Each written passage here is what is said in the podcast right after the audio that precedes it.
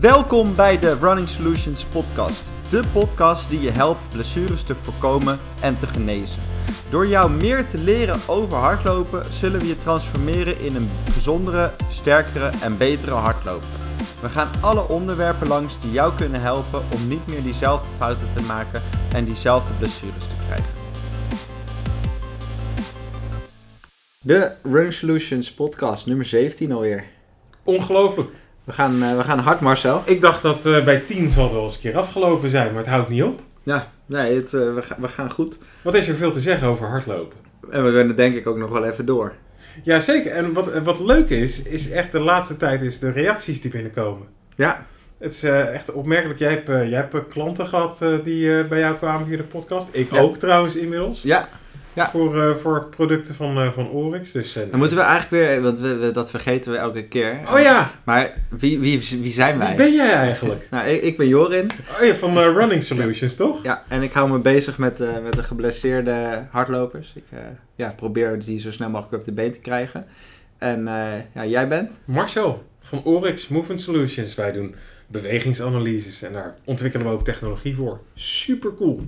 Ja, en de, in het kader daarvan, wij hebben volgens mij uh, exact uh, twee podcasts geleden over core stability, uh, hebben wij een actie gedaan. Hè? De prijsvraag. Ja, een prijsvraag. Ja. Eigenlijk niet eens een prijsvraag. Het was eigenlijk, wij, wij hebben een, een video met vijf oefeningetjes.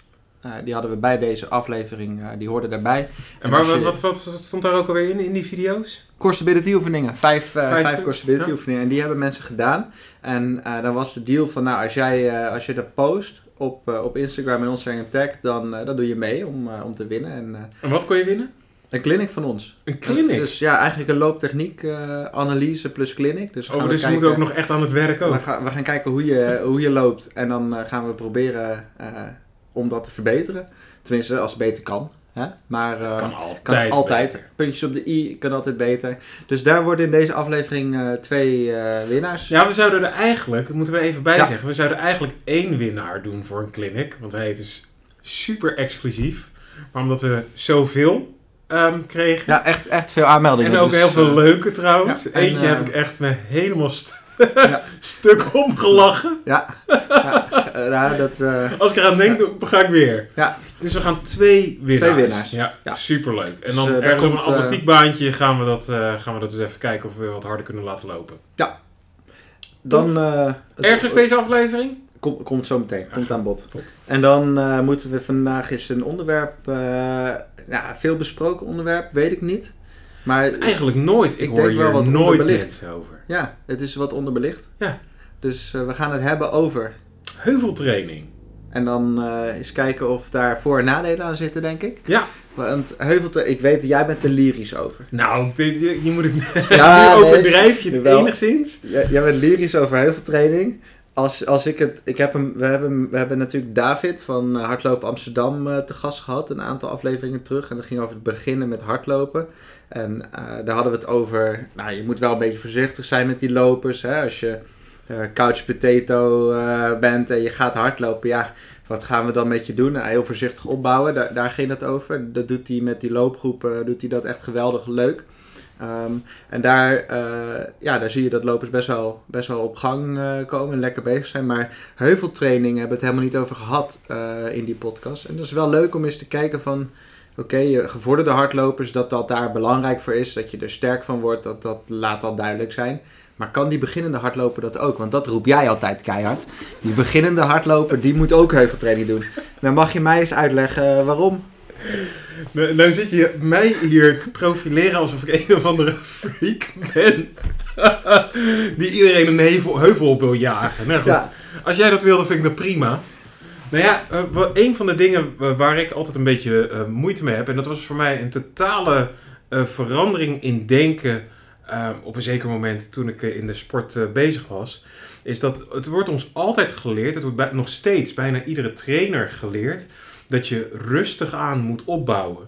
Dus op het moment dat je inderdaad uh, vanaf die shop, uh, zak met chips en dat blik bier op de bank wil gaan beginnen met, met sporten in het algemeen, niet eens hardlopen, maar sporten in het algemeen, dan wordt er vaak gezegd, nou laten we het maar eens rustig gaan opbouwen. Nou, er zijn een aantal dingen waarin je kan zeggen, nou, dat is inderdaad een hele verstandige benadering. Maar de vraag is, is dat altijd een verstandige benadering? Of is er ook een andere manier die misschien wel eens veel handiger zou kunnen zijn uh, met het oog op de toekomst? Nou, dit klinkt misschien een beetje vaag, maar dan ga ik proberen heel kort even uit te werken. Een belangrijk onderdeel in het menselijk lichaam is dat het zichzelf vooral heel erg organiseert. Wij denken dat we met onze brein onze beweging aansturen, maar dat is eigenlijk helemaal niet zo. Het is de manier waarop onze spieren zijn geconstrueerd, hoe die om al die gewrichten heen liggen, die ervoor zorgen dat jouw beweging op een soort van autonome manier tot stand komt. We hebben het volgens mij een, ja, we het over gehad. Wel een keertje. Ik weet niet meer welke aflevering. Nou, de, over, over de heupstabiliteit en over de, de krachttraining en eh, de, de, de, de uh, core heb het ook in, in benoemd. Als je die structuren goed genoeg traint en ze zijn goed genoeg op elkaar afgestemd, dan komt die beweging autonoom tot stand zonder dat jouw neurologisch stelsel daar echt heel erg veel mee van doen heeft. Ja.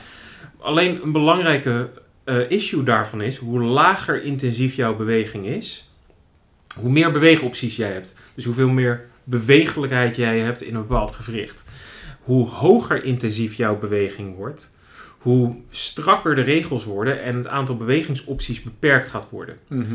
Dus eh, bijvoorbeeld een bal, jij kan een propje met papier, kan jij ergens in een prullenmand gooien. En als je dat met een klein boogje doet, dan merk je dat je heel veel bewegelijkheid in je schouder hebt. Je kan dat in allerlei rangen en standen kan je dat doen.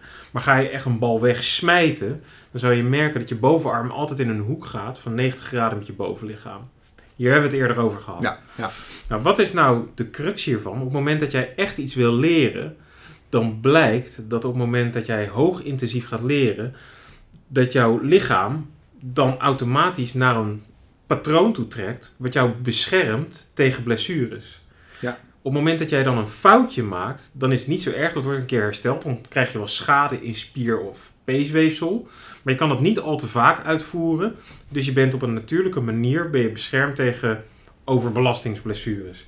Maar op het moment dat jij heel laag intensief aan de gang gaat, dan kan je misschien wel die beweging heel erg vaak uitvoeren. Maar als je dat heel erg vaak fout doet, dan loop je juist de blessures in.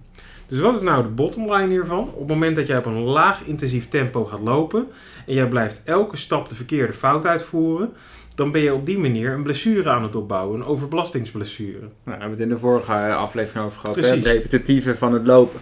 Maar daar moeten we nu meteen even de nuance bij maken. Dat, kijk, het is natuurlijk niet uh, verstandig om iemand die uh, bijna nooit gesport heeft, meteen volle bak een heuvel op te laten Precies. rammen. Volle bak moeten we uh, dus inderdaad niet willen. We moeten dus gaan zoeken naar een manier waarop jij behoorlijk uh, uh, bijna, nou ja, submaximaal zoals we dat noemen, uh, een beweging gaat uitvoeren om ervoor te zorgen dat je snel genoeg bent uitgeput, dat je dus niet te vaak die foutieve beweging kan uitvoeren. En bovendien het voordeel is, als jij hoog intensieve beweging gaat uitvoeren, zou je vrij automatisch naar de juiste techniek getrokken worden. Ja, dat zien we ook. Hè. Als je, ik heb natuurlijk die geblesseerde lopers in de praktijk, maar we, dan zie je dat als we die gaan bekijken van hoe lopen die lopers dan, dan kun je bijvoorbeeld zien op rustiger tempo en op, uh, dus bijvoorbeeld iemand op 10 per uur en iemand op 15 per uur zetten, dan zie je, niet, dan zie je wel dezelfde persoon, maar je ziet niet dezelfde loopstijl. Nee, verre van Want, zelfs. Uh, je ziet rond 15 per uur,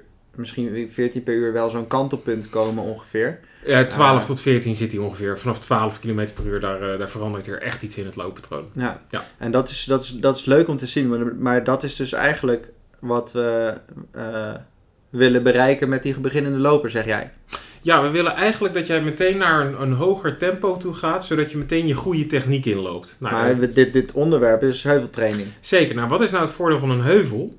Dat je onder belasting al vrij snel een goede techniek in wordt getrokken. En omdat het zo zwaar is, kan je niet al te lang blijven uitvoeren, waardoor de kans op blessures wat lager is. Ja. Nou, waarom word je automatisch in een uh, goed de goede techniek getrokken.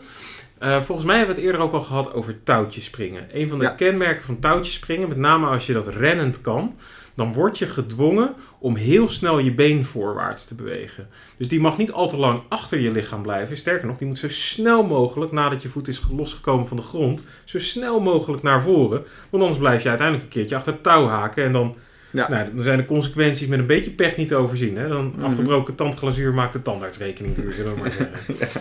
Wat is nou bij een heuvel het geval? Dat ding loopt omhoog. Ja. Op het moment dat jij je been niet snel genoeg naar voren trekt, dat betekent dat je op een gegeven moment, nou ja, soort van gaat struikelen. hè. Je, je, je komt dan niet verder, je gaat sl- eh, dat, dat komt gewoon niet goed. Dus wat train je daarmee? Het snel voorwaarts katapulteren van je been nadat je voet is losgekomen van de grond. Mhm. Een ander aspect wat daarbij komt, is dat je enkel behoorlijk neutraal moet blijven. Nou, waar we het ook eerder over hebben gehad, Ja. is dat als jij te diep in de hoek gaat met je enkel, dat heet dorsaalflexie, eh, dan komen er allemaal spanningen op die spieren vrij die je eigenlijk helemaal niet wil hebben. Dus het zijn een aantal facetten die ervoor zorgen dat als jij heuvel op gaat trainen, dat jij een foute techniek automatisch eigenlijk al helemaal niet kan uitvoeren. Ja. En de andere kant van de medaille is, is omdat het zo zwaar is, kan je het maar vrij kort volhouden. Waardoor als je het niet goed uitvoert, je toch nog op een zekere hoogte beschermd bent tegen overbelastingsblessures. Nou, dat is een, een Ja. notendop waarom ik er wel een redelijk fan ben van hevel, heuveltraining. Maar dan hebben we het dus over een... een ehm, laten we, eer- laten, we gaan straks wel in op die gevorderde loper, waarvoor het voor hem eh, of haar relevant is. Maar bij die beginnende lopers, dan zul je dus bijvoorbeeld... eh, nou, ik heb toevallig... eh, ik, heb, ik heb gisteren met een loper gelopen. acht keer één minuut. En met twee minuten wandelpauze. Eerste training van het, van het beginnersschema wat ik, wat ik heb geschreven. En die loper die, die heeft daar gewoon moeite mee. Die heeft gewoon echt moeite mee. En die is gewoon moe. Eh, na acht keer een minuut. En dat eh super tof dat hij dat doet. En we gaan echt wel een, over twaalf weken loopt hij een half uur. Daar ben ik van overtuigd. Maar eh, als we dan acht keer een minuut heuvelop hadden gedaan, dat, dat was, niet was niet gelukt. Nee. Dus hoe zou je dat dan voor deze loper inzetten? Nou ja, intervallen zou ik korter doen. Uiteindelijk gaat het er niet zozeer... Ik geloof nooit zo heel erg in hoe lang. Ik ben niet een, een, een enorm voorstander van... eh, zeker in het begin niet dat je intervallen gaat zetten op eh, 30 seconden of een minuut. Of omdat je iemand daar juist mee dwingt om dat te gaan volhouden. Wat ik juist wil is dat hij in conditie tegen zijn grens aanloopt... met zijn tong op zijn knieën hangt... Mhm. zonder dat hij aan het sprinten is gegaan. Dat is waar ik altijd een dat beetje is wat er dan gebeurd is. Maar zeg maar, de, de- wat, wat ik bedoel is, eh, nou, zo'n. eh, ja, kijk, je wil cardiovasculair, dus je wilt het hart-longsysteem wil je trainen. Dus Ja. dan, dat doe je door duur. Ja. Dus eh, dat doe je ook door snelheid. Maar als we in eerste instantie eh, die duur verlengen, dat die bijvoorbeeld eh, eh, zes keer vijf minuten kan of vijf keer zes minuten kan, ja, dan kan je ook makkelijk zeggen, nou, dan doen we dus wat korter. En dan doen we ook vijf keer een heuveltraining erbij. Dat is dan misschien veel relevanter. Want dan heeft hij en die, die conditietraining gehad. Dan kan hij steeds wat verder. Want dat is wel wat een loper wil, steeds verder. Ja. Ehm, en dan heb je ook nog dat technische voordeel van die heuvel. Ja, en niet alleen technisch, je bouwt er ook heel veel kracht mee op. En dat Ja, is een ja, element wat je natuurlijk bij heel veel beginnende lopers toch ziet dat het ontbreekt. Ehm, in feite, wat ik het liefste zou doen. Kijk, en niet iedereen heeft ook bijvoorbeeld een heuvel tot zijn beschikking. Ja, wel. Iedereen heeft een brug of een viaduct. Ja, of, eh, er is altijd wat in de buurt waar je in ieder geval 50 meter Ja? eh, eh, of 40 meter wel wat... Je kan overal wel wat vinden. Of een trap. Vanaf mijn huis is het heel moeilijk om, eh, om een heuvel te vinden, heel erg dicht in de buurt. Dan woont echt in eh, Utrechtse Heuvelrug, toch? Nee, ik moet toch wel 10 kilometer rijden, dus dat wordt wel een lastig verhaal. Nou, dus Oké, dan, eh dan uit. ik heb alleen een dijkje wat ik op kan. Maar Nou, dat is, dijkje, ja, maar dus ja. na 10 seconden is de pret er wel een beetje vanaf. Dus Nou, dat schiet je, niet op. doe, je, doe je een aantal keer 10 eh, seconden. Maar wat ik met mijn, met mijn atleten ook doe, is dat ik ze eerder ook... Ik wil ze eerst op kracht goed hebben voordat ik ze eigenlijk aan het lopen heb. Maar ik kan me voorstellen, dat niet iedere loper die zit daar op te wachten. Nou, het is natuurlijk een beperking als je gaat zeggen... eh, eerst eh 10 weken krachttraining en dan gaan we dan eens een keer kijken naar lopen.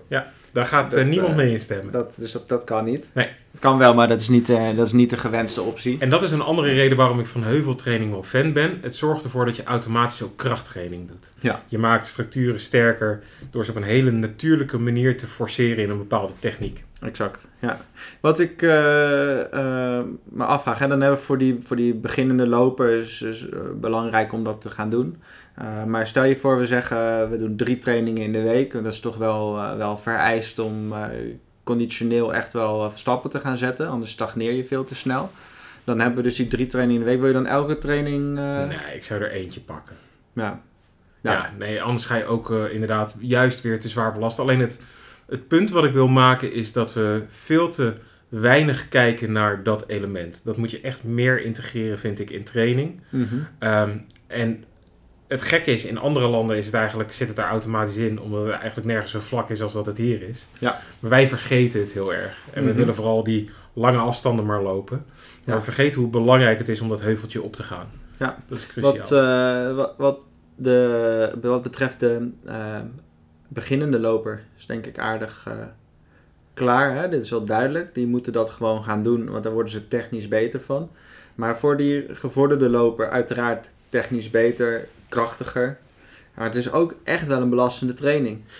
Eh, nou ja, zeker. Jij vertelde mij nog een verhaal wat je een keertje hebt meegemaakt. Ik weet niet of je het hier wil delen in deze podcast. Maar over eh, wat bijvoorbeeld hoe riskant het kan zijn. Ja, Om, nou, eh, dat is waar. Ik heb, ik heb looptechniektrainingen. Oh, Echt om, om even aan te geven hoe Ja. riskant dit ook kan zijn. Want ik ben een enorm fan Ja. van heuveltraining. Maar als je het niet goed doet. En daarom ook- stel Ja. dat je geïnspireerd bent om meteen die heuvel op te gaan. Luister even naar Jorin. Kamps. Nou ja, de, de- Zo ik- moet het niet. Ik gaf, ja, ik gaf een keer eh, looptechniektraining en eh, dat doe ik met regelmaat cursussen. Ehm, en Runningsolutions.nl kan je ze op Ehm, inschrijven trouwens. Ik deed eh, met een groepje en er was iemand bij die had nog nooit looptechniektraining gehad. Die, die, gaat altijd, die ging altijd gewoon de deur uit hardlopen en weer naar huis en klaar. Ehm, en daar, daar zei ik als opdracht, eh, we deden wat, wat looptechnisch eh oefeningen, knieheffen en zo. Ehm, en vanuit die kniehef doorgaan in de versnellingsloop, heuvelop, eh, tot 80%, 75% van je kunnen. Dus lekker vlot, maar niet volle bak. En die, die man die ging me er vandoor. Nou, die, die vloog echt die heuvel op. En eh, ja, super gaaf om te zien hoe hard het die ging. Maar ja, scheurt zo, zo zijn hamstring in. Oh.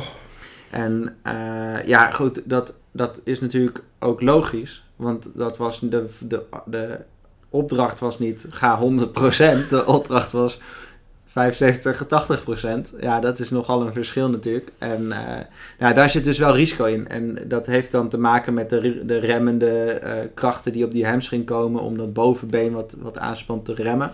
Eh, ja, dat kost echt kracht. En dat kost heel veel kracht zelfs. Dus daar zit wel risico in.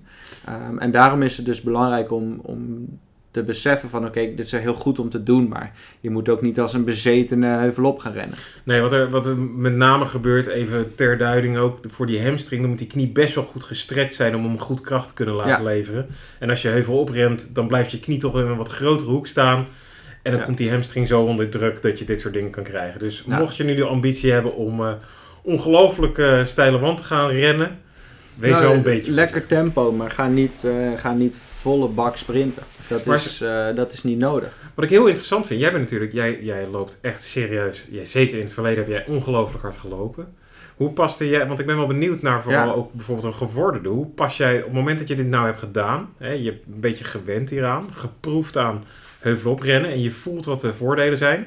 Voelde jij zelf wat de voordelen waren toen je daar Zeker, zeker. Wij deden toen eh, gewoon elke week in, het, in de winter sowieso. In de zomer hadden we wel meer wedstrijden, dus hadden we minder tijd voor. Maar eh, in de winter sowieso één keer per week heuveltraining.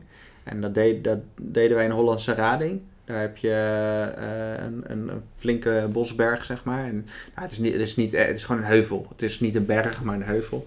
Eh, maar eh, die kon je een rondje lopen van een kilometer. Waar je in een achtje de heuvel twee keer kruiste. Dus het kruis was precies bovenop de heuvel. En dan had je dus een kilometer gelopen. Nou, wij deden daar echt wel leuke sessies van twee kilometer de heuvel over. En dan moesten we een, vijf keer één minuut eh, heuvelsprint. Dus gewoon vlot, eh, vlot die heuvel op. eh, met naar beneden dribbelen als pauze. En dan deden we gewoon daarna een kilometer die heuvel over. Nou, dan deden we vijf keer 45 seconden. Deden we daarna weer twee kilometer over die heuvel. Dus vier keer die heuvel op. En dan deden we nog vijf keer 30 seconden. En dan nog een kilometer en dan vijf keer 15 seconden. Ja, dat zijn.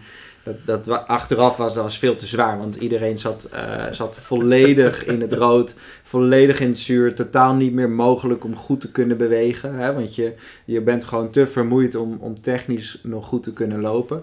Ehm, ja, dan raakten veel mensen geblesseerd. Maar door, die, door die training eh, en door dat soort sessies. Maar we deden, dat was dan een extreme versie. Maar je kan ze ook wat rustiger doen. En dan is er echt wel baat bij. Dus ik heb ook de klappen van de zweep gezien, zeg maar. In de zin van uh, heuveltraining kan je ook te veel doen. Maar het is wel, uh, wel echt, je wordt er zoveel sterker van als je het in ieder geval met enige regelmaat om de week of elke week toe toepast in je, in je loopschema, is, is zeker wat voor te zeggen. Um, en ja, dat hoeft niet per se meteen een hele zware training te zijn. Je kan ook zeg maar uh, uh, dat je vijf, zes keer een kilometer doet als je bijvoorbeeld intervallen doet. En dan kan je de vooraf of achteraf wat heuveltjes doen van 5 keer 20, 30 seconden. En dan heb je ook al een hele hoop gedaan. Ik denk ook dat vooral dat je het element wat je net zegt, je, de coördinatie die je zelf ermee aanleert onder vermoeidheid, onder weerstand, die is niet te onderschatten. Nee. Dat is echt, echt geweldig wat je, wat je daarmee kan, kan leren in een heuveloptraining. Ja. Maar hoe, hoe pas jij toe? Jij werkt met heel veel ook echt serieus gevorderde lopers. Ja. Um, zelfs met absolute toplopers. Kan je daar wat meer vertellen over hoe je dat, uh, hoe je dat in een programma past? Nou, ik maak natuurlijk de loopschema's niet van de, van de toplopers. Hè. Daar ben ik vooral met de, pre, pre, de preventie van die blessures bezig. En als ze geblesseerd zijn, om daar zo snel mogelijk uit te komen. Maar wat je met de Keniaanse top, waar ik dan veel mee werk, die jongens die doen, die wonen natuurlijk gewoon op een berg. En, uh, want die zitten op die hoogtevlaktes. En dat is, dat is allemaal heuvel. Um, dus die passen dat absoluut toe. Uh, die doen eigenlijk geen één training vlak. Maar wat zij uh, heel specifiek ook doen, is uh, bijvoorbeeld als ze in de marathonvoorbereiding zitten, gewoon een 20 kilometer heuvel op. Dat is gewoon een duurloop. 20 kilometer lang omhoog. Ja, en ook andersom, doen hem ook heuvel af. 20 kilometer lang heuvel af. Dus dat, ja, weet je, de, die gasten die in die schema's wordt het gewoon erin gedaan. En dat is wel een, echt een een sleutelsessie, zeg maar. Want het is gewoon hartstikke zwaar. Als je 20 kilometer lang omhoog gaat lopen, terwijl je dan starten ze op, uh, wat is het, uh, 1000 meter hoogte en dan eindigen ze op 2400.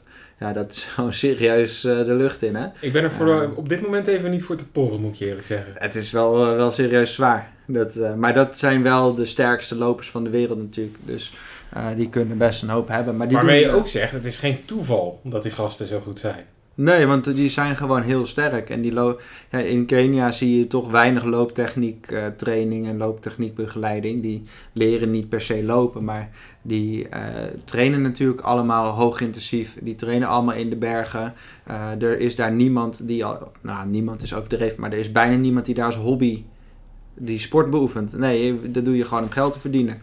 Dus dat is gewoon een baan. En die trainen dus ook heel hard daarvoor. En dan zie je dus ook dat, ze, dat dit soort trainingen in de, in de schema's voorkomen. Maar daarom lopen ze ook mooi.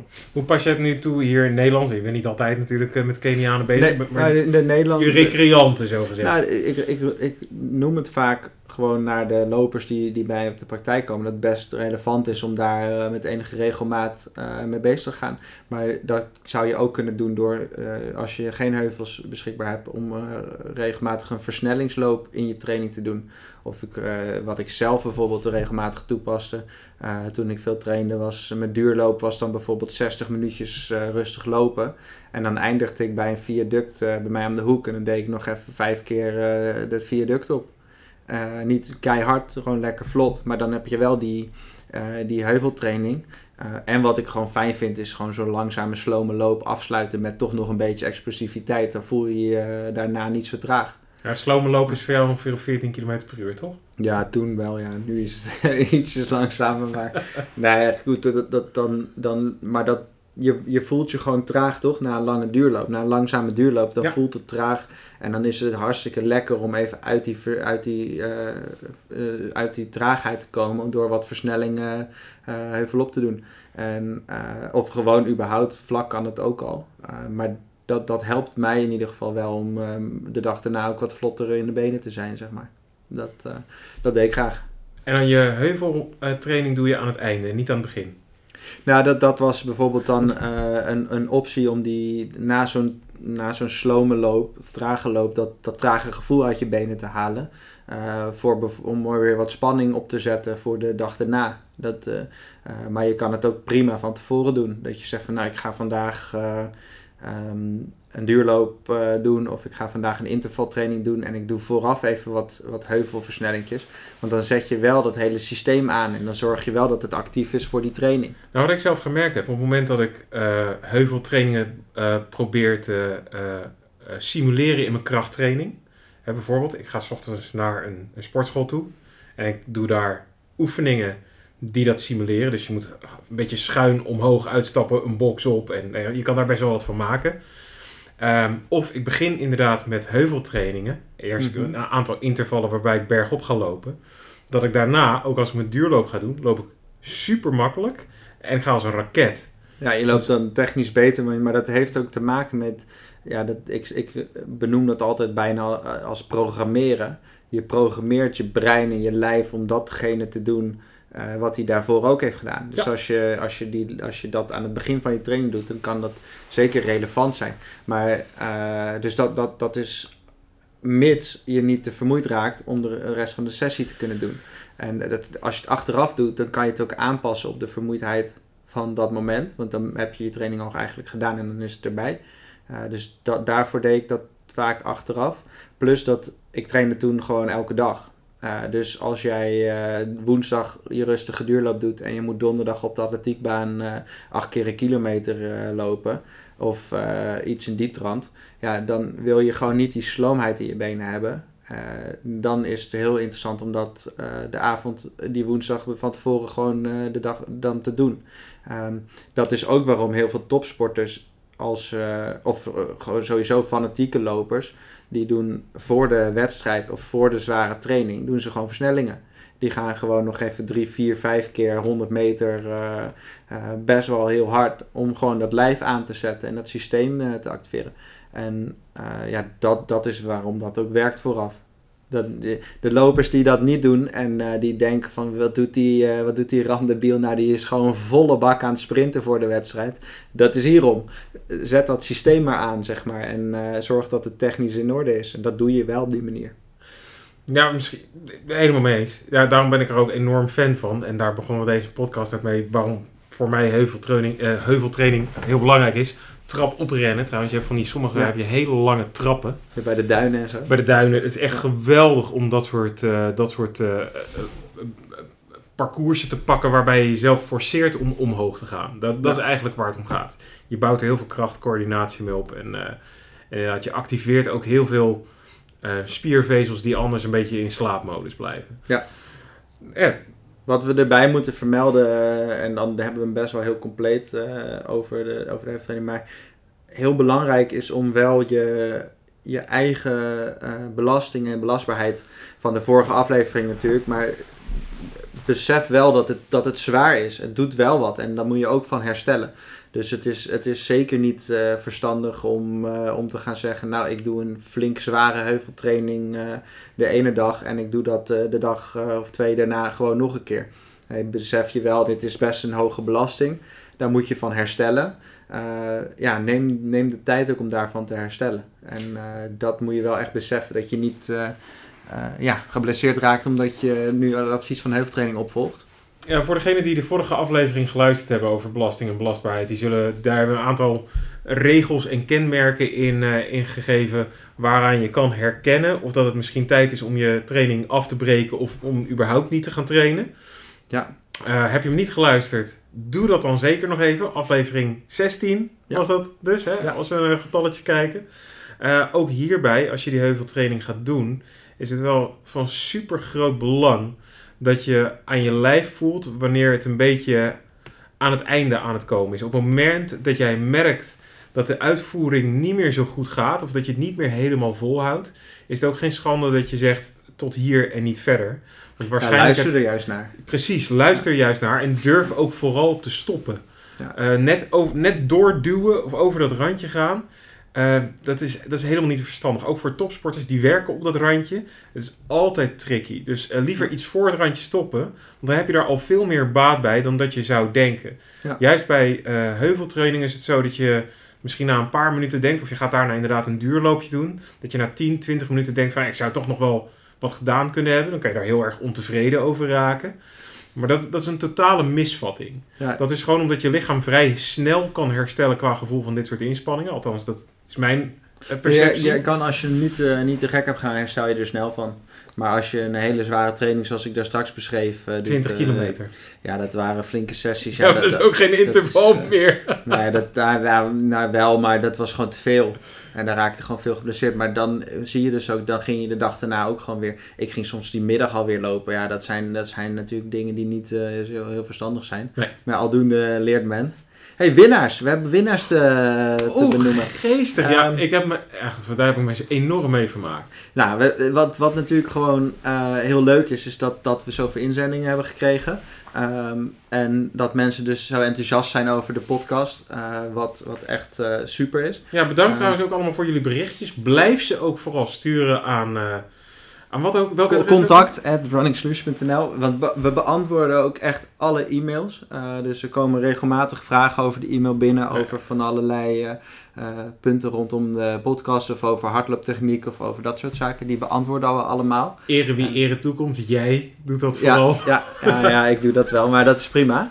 Ehm, en ehm, wat we vanaf de volgende podcast gaan invoeren is luistervragen. Dus stuur je vragen ook in, dan kunnen we ze tijdens de podcast zelfs gaan behandelen. En dan krijg je dus antwoord op jouw vraag tijdens de volgende aflevering. En dan doen we gewoon elke aflevering één of twee eh, vragen gewoon tussendoor.